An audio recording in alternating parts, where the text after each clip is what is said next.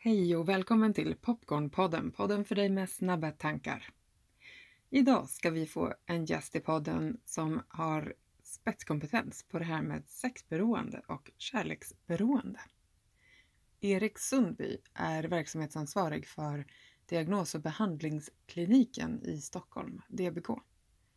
Vi ska alldeles snart hälsa honom välkommen till ett första avsnitt av två där vi går igenom sexberoende och relationsberoende bland mycket annat spännande.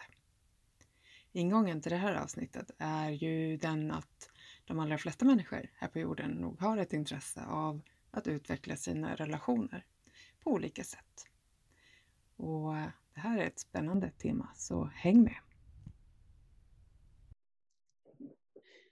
Välkommen idag ska vi hälsa dig Erik Sundby. Tack ska du ha. Varmt välkommen hit. Du är väldigt välkommen eftersom det du och ni jobbar med ju handlar om sexberoende till ja. stor del. Och sex och relationer är ju ändå något som de allra flesta människor på något plan har intresse av att eh, utveckla. Så eh, med den ingressen hälsar jag dig varmt välkommen idag. Skulle du kunna tänka dig att presentera lite om eh, ja, men dig och er? Jag heter alltså Erik Sundby och är, och är DBK. Jag startade DBK för nästan 20 år sedan eh, med anledning av att när jag skulle tillfriskna från mitt eget sexberoende så märkte jag att det fanns ingen hjälp för sådana som mig. Det fanns liksom ingen ingen medvetenhet, det fanns ingen, eh, ingen behandling, ingen behandlingsverktyg, ingen definition av problemet, ingen kunskap överhuvudtaget i Sverige. Och det är Så alltså 20 år sedan? Ja, precis. Mm. Ja, precis. Och eh, därför så eh, satte jag mig ner och det första jag gjorde det var att starta ett självhjälpsgrupp i den stad som jag bodde i. Så, och eh, i början så satt jag där alldeles ensam i ungefär ett år. Mm. Så alltså, det kom ingen. Liksom. Och helt plötsligt en kväll så dök det upp en kille. Du fick vänta ett år. Det var tålmodigt måste jag säga. Nästan ett helt år. Jag tror det var någonting på tio månader. Eller något sånt som jag satt där och väntade. Varje måndag kväll så gick jag dit och satte mig och läste texterna och satte på kaffe. Och mediterade lite grann. Så släckte jag lamp lamporna och slängde kaffet och gick därifrån. Och så så jag, när det kom en person, då blev jag lite skraj. Jag visste inte hur jag skulle göra. Alltså, det kommer någon. Hur gör man då? Jag är van att vara här ensam. Så. Ja, precis. Ja. Vad ska jag göra? Så kom man och så tittade han in genom... För jag hörde först steg i hallen. Klapp, klapp, klapp, klapp. Sen tystnade det. Och sen så tittade jag upp och då står det en kille i dörren och tittar in. Och så blev han chockad när han såg mig. Då. Och jag blev chockad som såg honom. Två lika förvånade själar. Liksom. Ja, precis. Och sen så, så, så frågade jag, ja, välkommen, sa jag. Ja, jag undrar om jag kommer rätt. Ja, var skulle du då? Säger jag då. Och säger han, det skulle vara ett sånt där sexmöte här, vet du. Säger han. Ja, men då har du kommit rätt. Kom in nu. Det krävs ju ett rätt sammanhang för att det ska få liksom ett ja, men rätt innebörd så att säga. Ja, eh, men eh, ja, vad skönt att jag ni hittade Jag förstod direkt att han menade liksom, vad han menade därför att det bara lyste ångest i ögonen på honom. Mm. Så jag såg att han led. Så, så, så ehm, och på den vägen var det. Vi, till slut så var vi ett litet gäng som höll på varenda måndag kväll på det där. Och jag började experimentera med, med olika behandlingar. Jag, jag har jobbat med behandling sedan 1982. Va? Mm. Eh, och eh, framförallt med kemiskt eh, beroende och, och, och själv kemiskt beroende sedan många år tillbaka. Och jag har varit nykter och drogfri eh, från både mina porrberoendet, som var min grej, mm. och eh, från kemikalier i över 28 år nu. Liksom. Det är fantastiskt. Det är så, lång tid. Ja, tack ska du ha. Mm. Så, um, um, jag började tillverka ett program liksom för... Jag bestämde mig för att jag skulle liksom arbeta med det här därför att det fanns inget jobb någonstans i Sverige. Och på den vägen är det. Sen har det bara vuxit och vuxit och vuxit. Och till slut har det blivit ett etablerat företag som, som erbjuder tjänster. Vi behandlar sexberoende, vi behandlar kärleksberoende. Vi behandlar det som vi kallar för anhörigtrauma. Mm -hmm. Och det, det är det traumat som partners eh, hamnar i när de får, rätt, får reda på sexuella hemligheter som avslöjas i en parrelation. Och då kallar ni det alltså för anhörigtrauma för den ja, som lever i relation och får reda på, på den här stora hemligheten eller, eller så? Mm. Ja, precis. Okay. Och, eh, för det är lite speciellt menar jag. Det är inte... Eh, det går nästan inte att jämföra med eh, till exempel en familj där partnern får reda på att hennes man är alkoholist till exempel. Eller sin fru är alkoholist. Eller så här. Därför att det är ju synligt. Mm. Så att man har vetat om det och det här um, normaliseringsprocessen med det som är dysfunktionellt och onormalt. Det liksom blir en del utav vardagen på ett helt annat sätt när det är frågan om alkohol eftersom det syns så väl och så här, man blir bakis. Mm -hmm. Just när det gäller sexualiteten så syns det inte på utsidan. Och därför så blir det ju en chock när det kommer fram i parrelationer. Så att, eh, det är väldigt höga, eh, högt antal partners som utvecklar postmatiskt stresssymptom. Och det, att man får en... det kallar vi, det kallar vi trauma. trauma Just det, just det. Det är jätteintressant att du börjar där faktiskt utifrån eh, just ja, men, eh, ja, men familjesystemet och påverkan av ett beroende i ett familjesystem och det du säger om att jag tänker att om man, om man tar alkohol eller relationer som två exempel så är ju alkohol ändå någonting man tillför som, ja men som du säger, man, kan, man ser den här flaskan i, i handen eller bakfyllan, man kan inte köra bil men här tänker jag mig att det här är lite andra uttryckssätt. Ehm, där det här kan pågå på ett annat sätt, lite mer hemligt gissningsvis och eh, kanske inte med så synliga konsekvenser direkt i alla fall. Nej.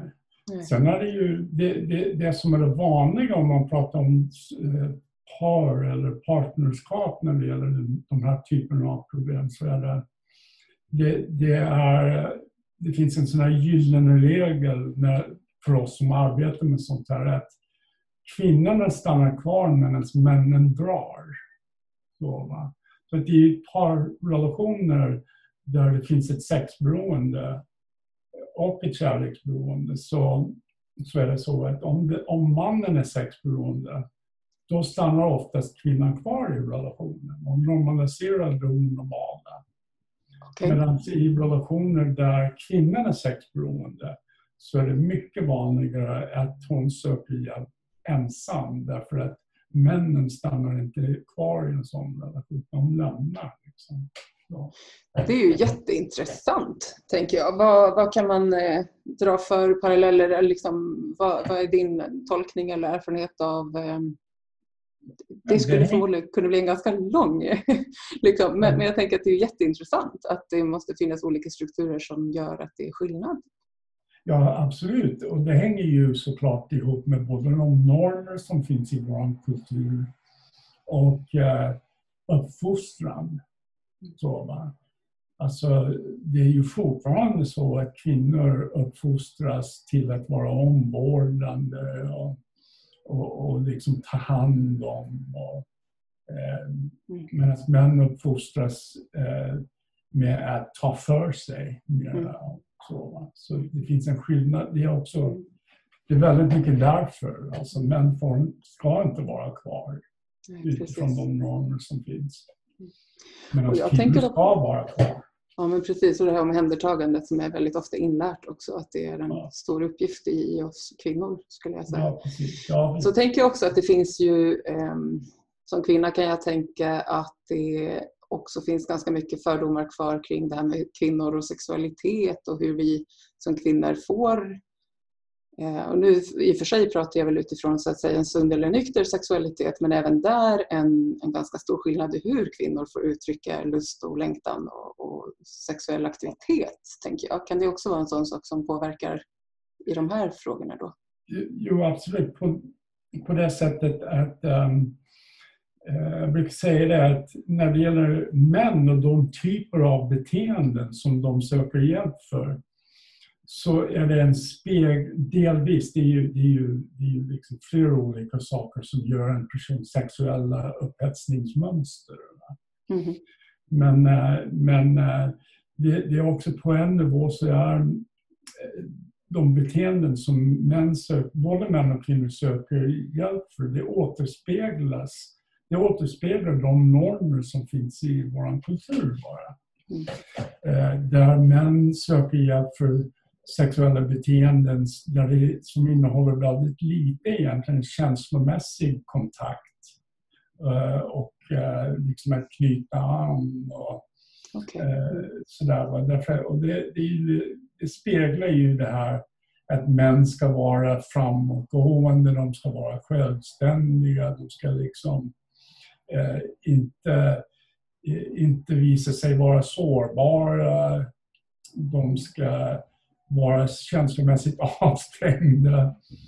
Tyvärr. Ja, jag, jag skakar, det ser inte ni som lyssnar, men jag, jag skakar på huvudet och håller med Erik när han säger det här, för jag tänker att det drabbar ju också män. De här normerna och strukturerna är ju inte bara negativa för kvinnor, eh, utan det är också i allra högsta grad för oavsett kön eller hur vi definierar oss som, som man, kvinna eller vad det nu är. Eh, ja, Så, mm. Ja, och jag menar tillfrisknande från sexberoende när det gäller män, det handlar väldigt mycket om att öppna, öppna sig för möjligheten att vara sårbar i relationer. Va?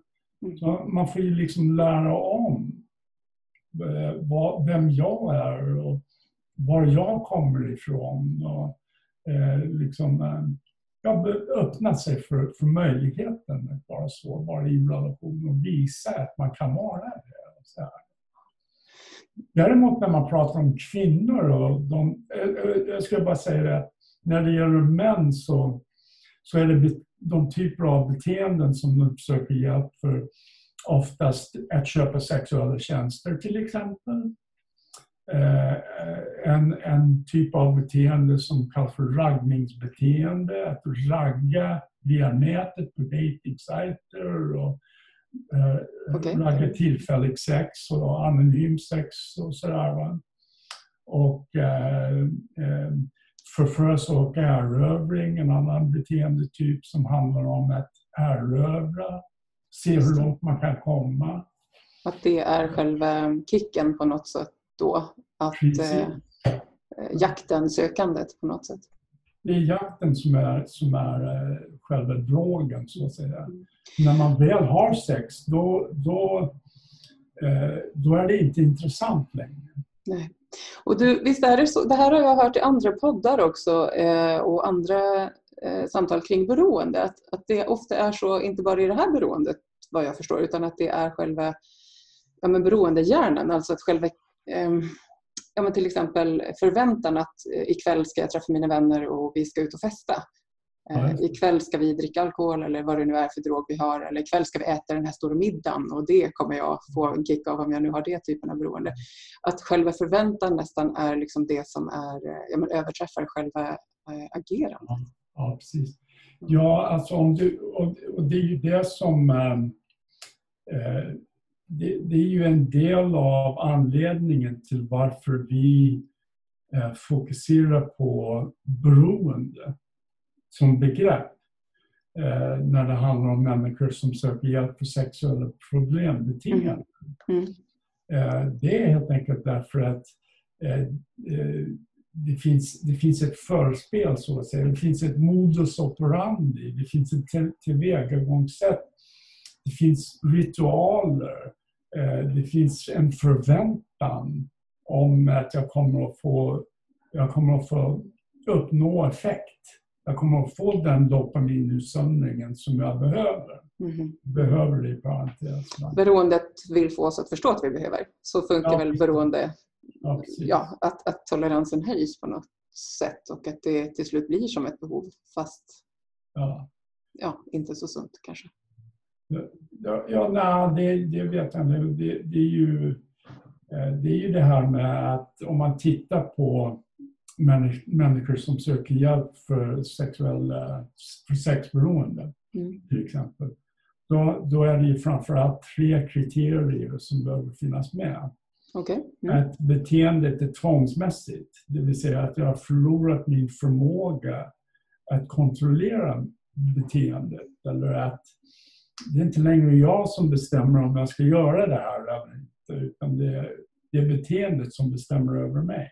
Just det. Mm. Eh, på samma sätt som det är alkoholen som bestämmer över en alkoholist. Så, va? Just det. Mm.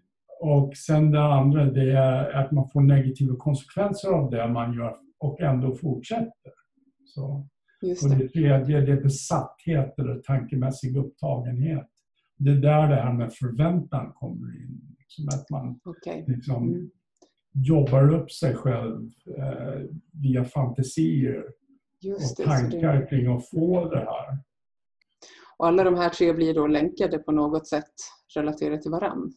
Ja, precis. Mm. Ja, precis. Och det, och det, det, är ju, det är ju um, om alla de tre grejerna finns med, då kan man nog uh, säga att man är beroende. Mm. Mm. Ja, för jag tänker också det här med sex och relationer. I grunden är ju det någonting väldigt, ja men ett basbehov, tänker jag. Eh, jag tänker att eh, mat, träning, sex, närhet, alla de här ja, basbehoven helt enkelt. Det är ju kanske inte liksom alkohol eller heroin, men de här sakerna vi kretsar kring nu är ju i grunden mänskliga behov. Och Många klarar väl av det på ett bra sätt, men, men just de här tre kriterierna du nämner nu, om man känner igen sig i det så kan man alltså ha lite, kanske nytta av att söka lite på det här med sexberoende eller, eller så. Mm. Ja, precis. Det är ju det. det, är det. Och eh, jag menar på det att i själva verket så finns det tre olika områden där beroende kan förekomma. Okej. Okay. Eh, det, det, första området, eller det som de flesta människor erkänner som ett område Eh, där man kan utveckla beroende, det är så kallat substansberoende eller kemiskt beroende. Mm. alkoholism eller narkomani. Mm. Där man så att säga utvecklar ett beroende relaterat till kemiska substanser som man tillför kroppen som alkohol eller, eller andra droger så här, för att få dopaminutsöndring i hjärnans belöningssystem. Just det. Mm. Och sen finns det ett, ett, ett annat område som kallas för beteendemässiga beroenden. Exempel på det, det, skulle, det är ju spelberoende till exempel, träningsberoende, shoppingberoende rätt vanligt i västvärlden. Där man utvecklar ett beroende relaterat till eh, specifika beteenden. Eh, Eh, för att få dopaminutsöndring. Just det. Mm. Sen finns det ett tredje område som kallas för närings och njutningsberoenden. Och det som ingår i det, det är matberoende, sockerberoende, eh, sexberoende, kärleksberoende relationsberoende. Mm. De det är naturliga behov som löper amok. Precis. Mm. Eh, så att Eh, när det gäller kemiskt beroende och beteendemässiga beroenden, då måste man ju upphöra med, med en spelare kan inte spela och en narkoman kan inte längre knarka. Nej. Sådär, va? Men eh, en, en sexberoende måste lära sig att hantera sin sexualitet. Tillfrisknande handlar inte om att avstå ifrån sin sex eller förneka sin sexualitet. För det kallas för sexuell anorexi. Sexuell anorexi, ja precis. Att man svälter sig på den typen av relation eller intimitet som i grunden är ett mänskligt behov. Ja, precis. Och det är likadant med mat och så här. Alla måste ju äta varje dag och alla har ett sexliv. Och alla har behov av... Alla är ju egentligen kärleksberoende. Alla har vi ju ett behov av kärlek. Ja. Så är det ju. Ehm, och någonstans så är det ju lite spännande med den här frågan just utifrån det vad som är ja, men en, ja, men en sund sexualitet eller kärlek kontra liksom lite fnurra på tråden eller fullskaligt beroende. Ja, det ehm, är ju ja, det måste också kunna se lite olika ut eller vara ganska individuella mönster, tänker jag. Ja, Eller? gör det. det Vad ser ni hos er, tänker jag?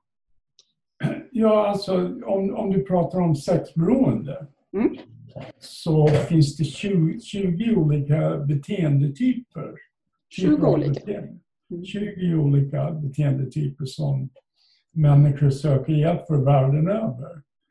Ska vi uh, försöka oss på att lista dem, Erik? Eller är det övermäktigt, denna podd? Ja. Nej, vi kan det. Ja. ja. Kan du lista de 20 tror du? Tror du att det är möjligt att, eh, ja, att eh, gå igenom dem? Det kan vi absolut göra. Jag, jag behöver bara plocka fram det här. Absolut. Var har jag det någonstans? Jag tror jag har det här faktiskt. För jag tänker att det kanske kan vara intressant att få en bild över vad är det här och sen skulle jag också tycka, eftersom jag vet att många av mina lyssnare är eh, kvinnor, inte bara, jag har också många män som lyssnar, men jag tänker att det vore också spännande att lyssna in lite dina erfarenheter av eh, kanske vad som är vanligast för kvinnor att söka för eller Absolut. Eh, eller så. Så du får gärna, om, om det känns rätt, att ha det i åtanke. Ja, absolut. Om, om, om vi tittar på de typer av beteenden som människor, både män och kvinnor, söker hjälp för mm. världen över, så att säga. Eh, då, då finns det då, då går de som i en skala från 1 till 20. Mm. Och var någonstans på den här skalan som ett sexuellt beteende finns på, det, det hänger ihop med vilka konsekvenser man åsamkar sig själv och vilka konsekvenser andra, andra människor får av beteendet. Eh, typer av beteenden som finns i början av den här skalan, där är det jag, bara jag själv som får eh, som får konsekvenser av det. Men i slutet på skalan finns det även andra människor som okay. kan få allvarliga negativa konsekvenser av det som händer sexuellt. Okej, okay, bra. Ja, men precis. Att man skiljer på det i den här skalan som du nu eh, ja, tar oss igenom. Sen ja. är det ju så att de flesta av de här beteenden ingår i vanlig mänsklig sexualitet. Mm -hmm. Det är bara det att man har liksom fastnat i en specifik aspekt av mänsklig sexualitet och utvecklat en tvångsmässig besatthet i just den specifika aspekten. Mm. Som till exempel fantasisex, eh, som är den första i den här skalan, eller fantasi med konsekvenser.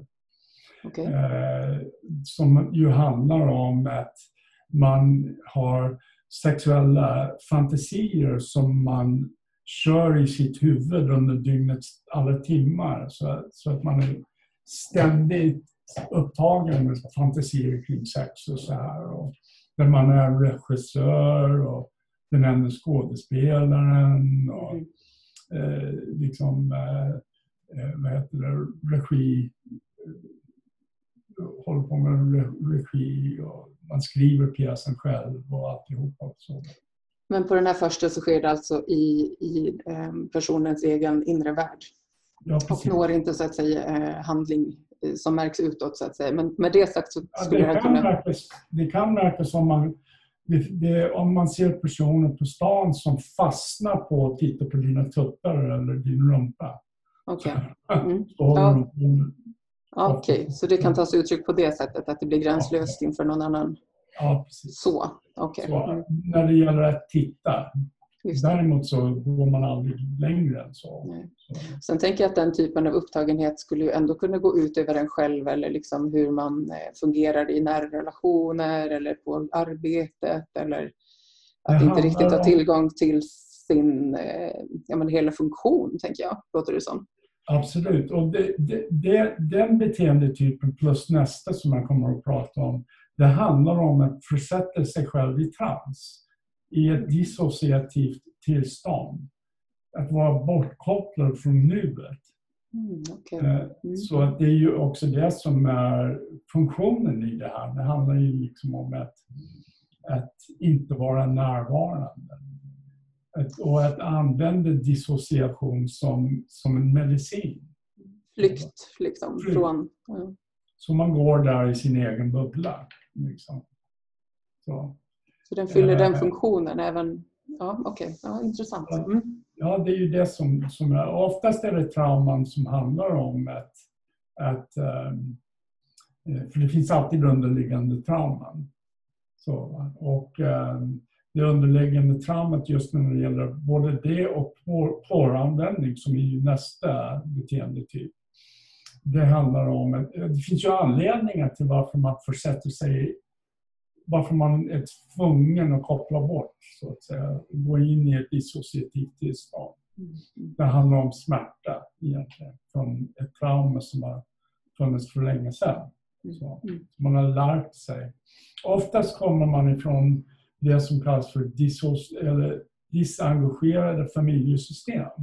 Just. Mm. Där, där, man, eh, där det egentligen inte finns nära kontakt man talar inte om för varandra att man är älskad eller, eller visar känslor som att man kramas aldrig och så här, Eller väldigt sällan. Så här. Man kan beskriva det ungefär som att de olika familjemedlemmarna är ungefär som båt som möts i natten. Mm. Man bara seglar förbi varandra. Det finns inget djup. Så. Nej, precis. Och kanske inte heller riktigt förmågan att ha fått sortera eller vara i sina känslor, tänker jag. är väl ofta ganska gemensamt. Jag tänker att det eh, vi har pratat en del beroende tidigare i podden också och att det här att eh, beroendet har ju, det fyller en funktion att, att fly ja. från, från en, en svår känsla eller en tomhet eller vad det nu är. Och, eh, att det här hör ihop med det, att det, det, har en funktion även om den kanske inte egentligen är så funktionell eh, det här sättet. Men, men, i stunden så kan det ju ha en lindring i alla fall. Det har ju det och, och um, oftast är det så, precis som du var inne på här nu, att man blir jätteduktig på att fantisera och räkna ut olika saker. Men eftersom man inte har någon bollplank egentligen att spegla av sina upplevelser av verkligheten så, så förlitar man sig på sin egen fantasi för att klara sig. Och eh, ibland, och, och, och, och, och så sexualiseras det här när man kommer upp i tonåren och längre fram och sådär. Och då blir det antingen fantasisex eller nästa beteendetyp som kallas för porranvändning. Eh, och det, porranvändning är en av de största eh, beteenden som, som människor söker hjälp för både i Sverige och i, egentligen i hela världen. Okej, okay. det är en av de större liksom, orsakerna till att man kontaktar er? Ja, precis. Så det är ungefär gissningsvis ungefär 70 procent utav de som söker hjälp idag är porrberoende. Mm. Och det handlar ju om porr på nätet. Det handlar om.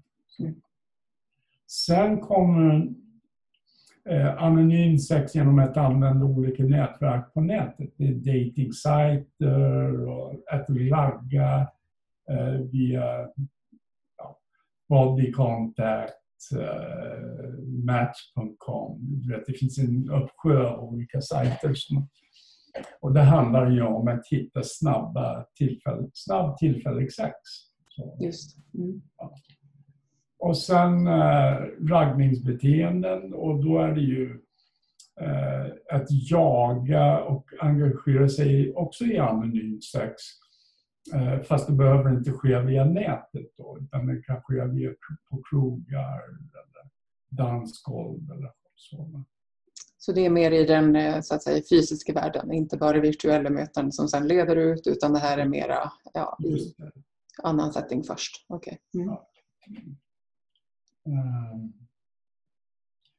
just det. Och sen kommer relationsberoende och det är där som, eh, som man kan säga att kärleksberoendet finns. Då. Och det här var femte Ja, precis. Mm. Ja. Hur, eh, ja.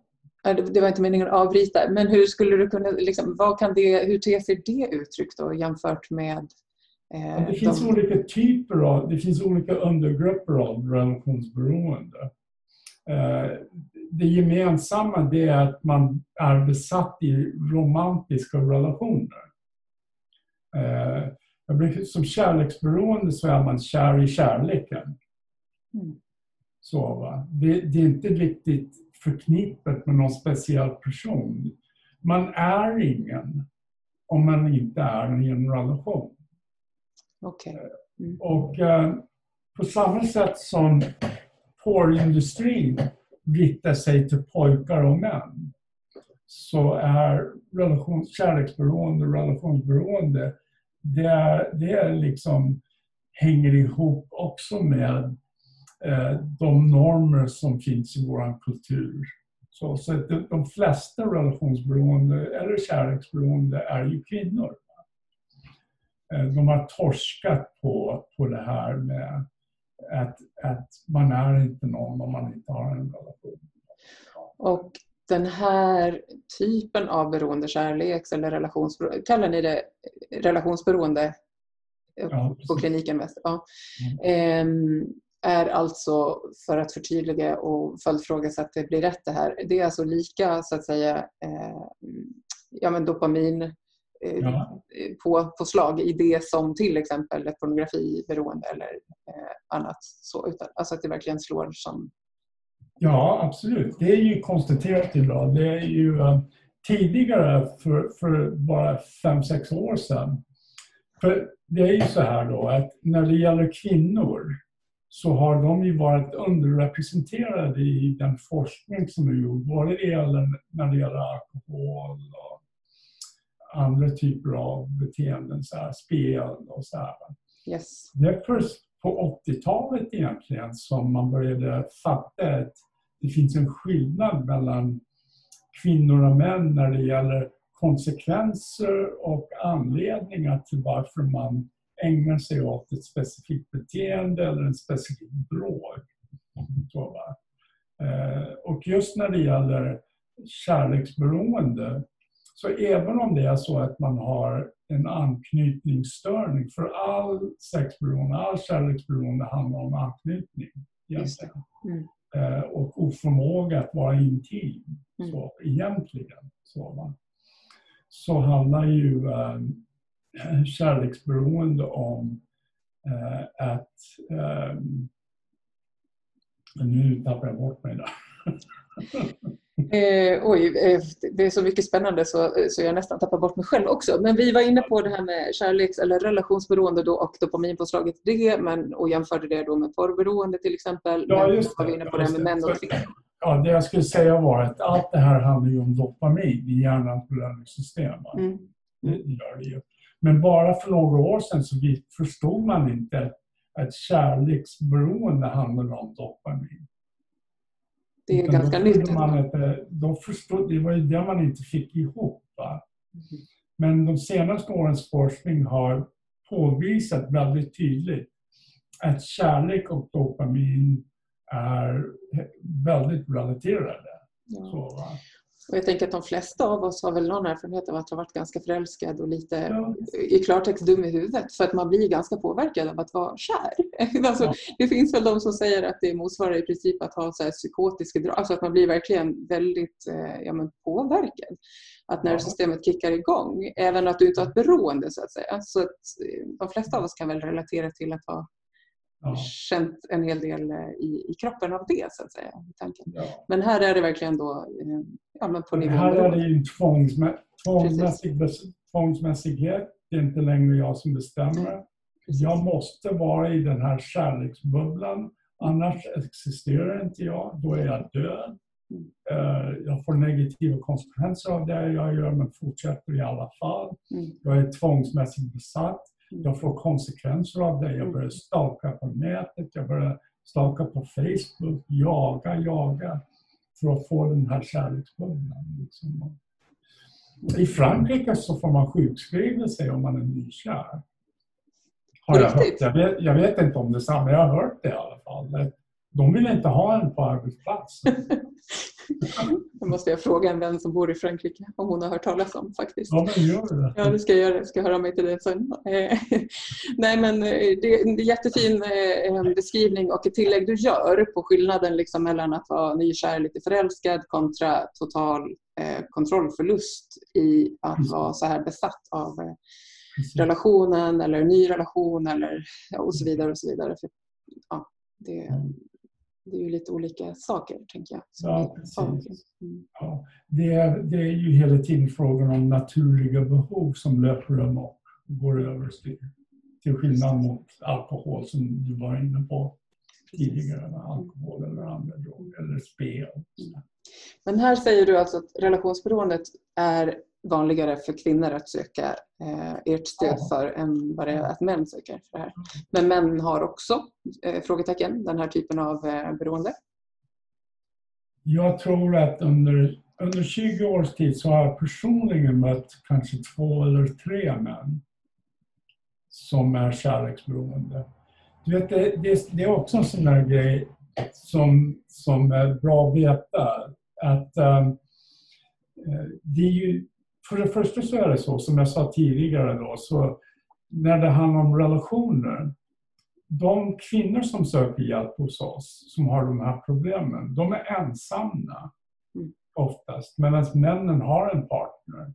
Och anledningen till varför kvinnorna är ensamma, det, det beror på att eh, deras män har lämnat dem. Relationer, så att de, de, när de väl söker hjälp, både som kärleksberoende och som sexberoende kvinna, så gör de det, eh, då har de väldigt mycket mer skam. Deras, deras beroende har lett dem till en väldigt djup känsla av förlust av självbild, förlust av den man är, en djup skamkänsla. Så, va? Mm. Och det är mycket lättare för kvinnor att tro att man är kärleksberoende, för det är inte lika farligt, i parentes, som att vara sexberoende kvinna. För är man sexberoende kvinna, då är man ju hora. Eller, eller, eller liksom nymfoman. Eller så På tal om den här bilden, ja. Ja, precis. Mm. Så att, eh, som, som behandlare så måste man vara väldigt noga med att göra en korrekt bedömning. Eh, för att personen ska få behand korrekt behandling för korrekt sak. Mm -hmm. Alltså jag har så många följdfrågor. Men jag tänker att jag kanske måste pausa dem lite. Men jag säger dem för att inte glömma dem. Eh, men det är det ena då att jag tänker, just nu pratar vi om kvinnor och relationsberoende, men jag blir ju nyfiken på eh, utifrån att vi också håller på att förändra normer i vårt samhälle. Kvinnor kanske också, ja men vi är alla män och kvinnor online ganska mycket. Vi, har, eh, vi hämtar mark också här i det sexuella, skulle också kunna eh, liksom vara ganska mycket inne på porr eller tillfälliga kontakter. Men jag tänker också eh, jag säga, behandlingen på det här sen. Men det, vi kommer dit, tänker jag. Men, men det är ja, spännande, tycker jag. Okay. Ja en parentes. Men, eh, men fortsätt gärna. Är vi på nummer ja. sex nu? Eh, jag kommer inte ihåg. För, först så är erövringen nästa. Och det handlar om att jag och erövra. Och, eh, det, det, är både män och kvinnor som söker hjälp för förförelse och erövring. Eh, därför att det är ganska vanligt att kvinnor då, eh, som söker hjälp för sexberoende Eh, om, man, om man går in på det här normativa igen, mm. så även om mäns sexberoende eh, återspeglar samhällsnormer om hur en man ska vara, så är det så att kvinnor som söker hjälp för sexberoende, eh, deras, deras beteenden är en slags reaktion mot det normativa. Så, mm. eh, Intressant. Ja, och det, det är ju väldigt intressant alltså, ja. därför att äh, äh, det verkar som att de söker hjälp äh, och att deras sexuella beteenden har börjat som en slags att vara rebell mot normerna. Så, va? Det är bara det att det har tyvärr slutat i slaveri. Därför att all beroende är att vara slav under en last. Sådär, eller under ett, under ett beroende. Om jag säger så. Men det är jätteintressant det du säger, liksom att, att det kan vara som ett uttryck då från att vilja bryta sig fri från de här normerna av att inte få uttrycka eh, sin eh, kvinnliga sexualitet fritt och så går det liksom överstyr verkligen ja. på något sätt.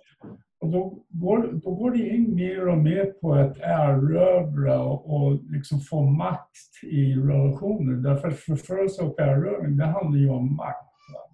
Det handlar om att um, ha kontroll och ha makt. Mm.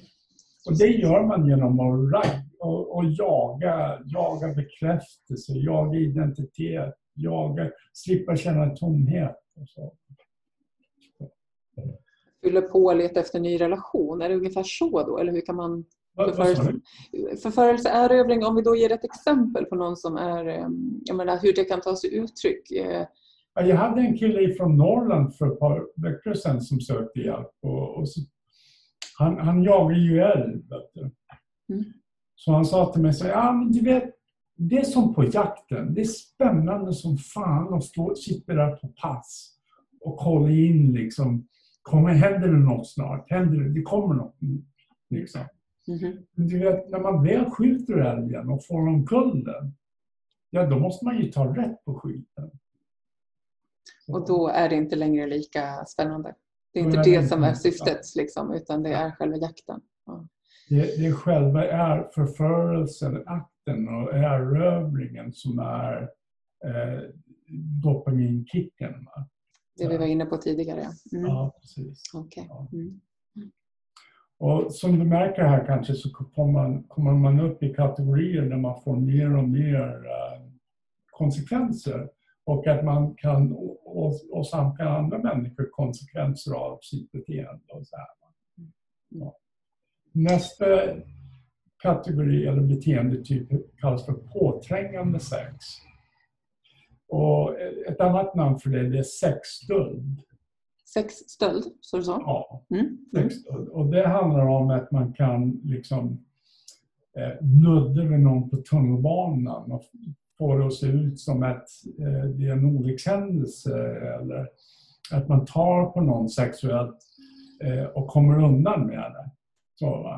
Okay. Mm. Eh, man, man, och, och liksom spänningen i det, eller dopaminkicken i det, det är att se hur långt man kan komma utan att bli avslöjad. Okay. Så oftast är det så att just den här beteendetyp, det, det, det är inte så här eller om jag säger så här istället. Man, det är inte vanligt att människor söker hjälp för bara ett beteendetyp. Utan ofta så har man en kombination av, en kombination av två eller flera beteendetyper. Så, va? Och just när det gäller påträngande sex eller sexstöld så är det ju väldigt sällan som man har det själv utan det, kan ha, det hänger oftast ihop med Eh, med andra typer av, som, som exploaterande sex eller att utnyttja sin ställning för att få sex. Och Okej, och är det har, två jag, exempel till då på eh, är det två också andra uttryck, till exempel exploaterande sex och... Eh, ut... Ja, det, det, det kommer sen. De är på slutet okay. på den här skalan. Ja, ah, jag förstår. Mm. Ja.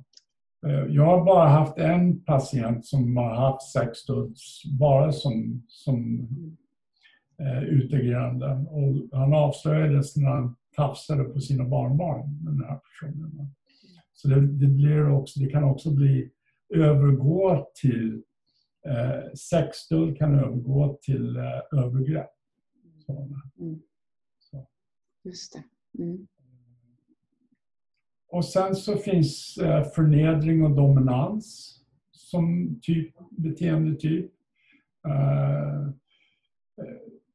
eh, och, det handlar om att antingen använda bondage till exempel i, i, i sexualiteten. Uh, söka män, att man, oftast är det kvinnor som vill bli bundna och så här. Va? Och män som ställer upp på det för att det är en traumaupprepning egentligen. Så. Och kom ihåg nu då att det är fortfarande likadant att det här handlar om beroende. Det handlar om tvångsmässighet, att fortsätta fast man får negativa konsekvenser och tvångs och besatthet, tankemässig upptagenhet. Och så. Ja, precis. För jag tänker, för den som lyssnar så kan man säkert fundera sådär att ja, men om jag gillar den där aktiviteten eller jag gillar ju flörta med någon men det kanske inte ändå är ett fullskaligt beroende. Nej. Och jag tänker att det är ju säkert så att väldigt mycket av det ni möter skulle en person utan beroende och utan sexberoende kunna tror, gissar jag, frågar, eh, ägna sig åt utan att det skulle ge så att säga, då negativa konsekvenser. Men här pratar vi ju igen att det här, allt det du nu listar i er verksamhet och personer som har den här typen av problematik så är ju det att det ger negativa konsekvenser och att man ändå inte förmår sluta trots att man ja. kanske då vill det. Ja. Jag brukar säga att de här beteenden som sexberoende personer ägnar sig åt, det, antingen så skapar de problem i livet mm. Eller också så underblåser de problem som man redan har. Mm. Så, eh, så, så det, är ju, det är ju det som är och som jag sa i början också då så eh, är det frågan om beteenden som finns i all mänsklig sexualitet. Det finns liksom, en människa ägnar sig åt de här sakerna. Men hos en sexberoende så går de överstyr, löper emot. Och att man får konsekvenser och kan inte sluta fast man vill det. Så. Nästa är utbyte av smärta för sexuell stimulans. Då handlar det om att tillfoga eller ta emot smärta. Nu börjar man komma in upp i uh, både förnedring och dominans, utbyte av smärta. Så börjar man, och i viss mån också påträngande sex, börjar man komma upp i underliggande, det som kallas för erotiserad vrede. Mm. Eh, som okay. gör att man har ett behov av i ökande grad från och med nu upp i den här listan. Eh, ökad grad av eh, förtryckt ilska som får sin utlopp i, sex, i, i den sex som man ägnar sig åt. Så. Just det, och att det också då skapar ja, någon form av beroendemässig kick i, i det beteendet man har. Ja, mm. det hamnar. Och då är vi ganska mycket, vi börjar närma oss tänker jag att man har eh, på skalan att det inte längre är bara i ens fantasi eller med sig själv utan här är man ju i eh, relation med någon annan. Ja precis. Eh, eller också så man har andra människor som man ägnar de här aktiviteterna mm. tillsammans med. Alltså, man, det är inte själv längre utan Nej, andra människor får också konsekvenser av ens beteenden. Så här. Just det. Mm. Sen kommer sexköp. Eh, att betala för, för sex. Och eh, det finns egentligen två olika typer av eh, köpsex. Det finns en som kallas för kommersiellt sexköp som handlar om att um, uh, man byter sexuella tjänster för pengar till exempel. Uh, så att man, uh, det, det är ju återigen då en väldigt kraftig uttryck för både erotiserad vrede men också en intimitetsstörning. Att, eh, att göra om sexualitet till en handelsvara. Så, ja, jag tänker på det du nämnde om intimitet i början.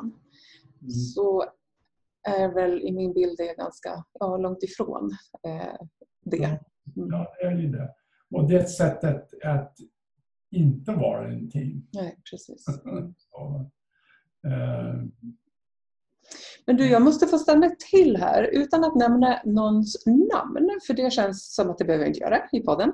Men jag tänker att i, för inte allt för länge så var det, sen så var det stora rubriker i tidningarna om, eh, ja men och det är ju det ibland, om kända personer som, som köper sex och åker dit för det till exempel. Mm. Eh, det kanske inte du kan svara på, men jag tycker det är så intressant det här med att ja, men just som sexköp som en del av en beroendeproblematik. Skulle du säga, tror du, vet man om alla som köper sex i grunden också har en beroendeproblematik av det här slaget? Nej, Eller det, nej, det, det, kanske, det man inte säga. det måste inte vara? Nej. Nej. det är ungefär som att säga att alla som är på krogen är alkoholister. Det får ta det lite långt. Ja.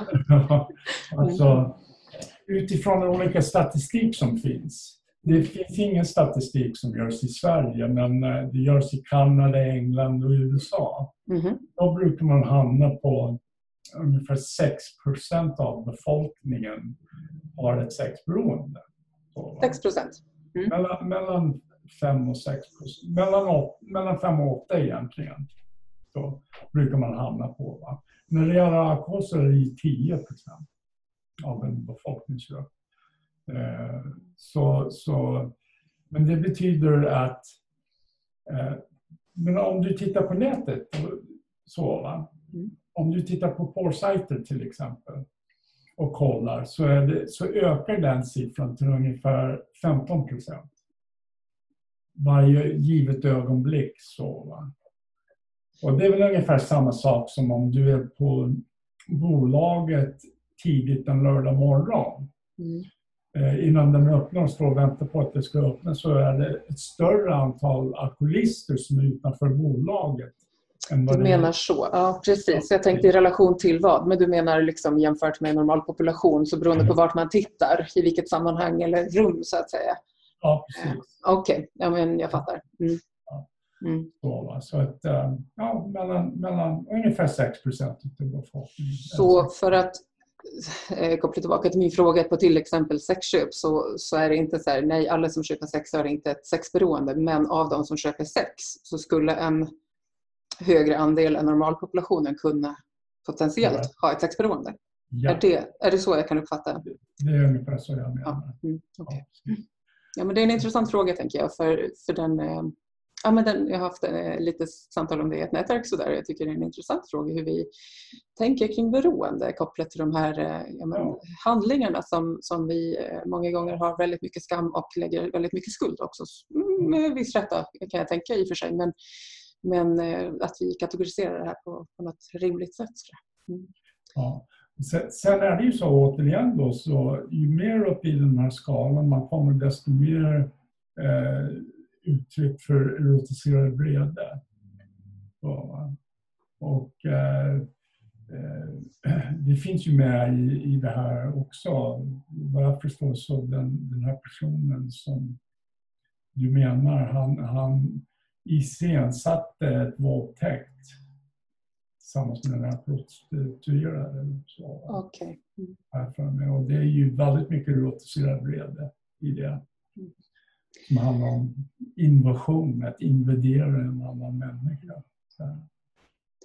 Ja, och det är mycket mer information än vad jag har eller liksom har läst mig till eller valt att ta till mig. Men, men det är ju, ja, som du säger, att det kan vara fler delar av de här punkterna vi idag går igenom som tar sig uttryck på olika sätt. Så att säga. Mm. Ja. Ja, det är en intressant fråga och jag tänker att sexköp är inte heller helt ovanligt, tyvärr, eh, i Sverige. Så det tål faktiskt att stannas till vid. Eh, och jag tänker också, som du var inne på, utbyte av sexuella tjänster så kan jag tänka också ehm, jag vet inte alls om det är så att kvinnor köper sex i samma utsträckning som män. Det är min bild att det inte är så, rent statistiskt. Men jag kan också tänka att kvinnor... ehm, ja, ehm, frågan är om det är mer byte av tjänster kanske eller att, att det finns andra uttryck. Det gör det. det. Det är nästa grej här som kallas Ah. för eh, betala för sex makt. Mm. Eh, För att kvinnliga sexberoende personer, de, de, eh, de liksom eh, låter sig utnyttjas sexuellt för att få en känsla av, de tar emot pengar för, för en känsla av att ha makt och kontroll. Nu är det ju givetvis, och det vill jag verkligen poängtera, givetvis inte alla prostituerade som är sexberoende. Nej. Absolut inte. Men ett visst procent av dem är det. Mm. Och de som sätt. ställer upp på porrfilmer och porrfilmsstjärnor och så här. Jag kommer ihåg till exempel när jag intervjuade en kvinnlig prostituerad på TV4 en gång. Så, så, och jag kan prata om det här som det var sänt i TV. Då. Just det. Mm. Eh, så, så, så sa hon till mig så här Ja, du vet när jag kom upp i 15-årsåldern, då tänkte jag så här, jag ska fan aldrig mer plocka pengar från gatan. Nu jävlar ska de få betala. Mm. Den grejen, den här, den här eh, liksom rage, alltså vrede, eh, makt behov och liksom som har sina rötter i kontrollförlust.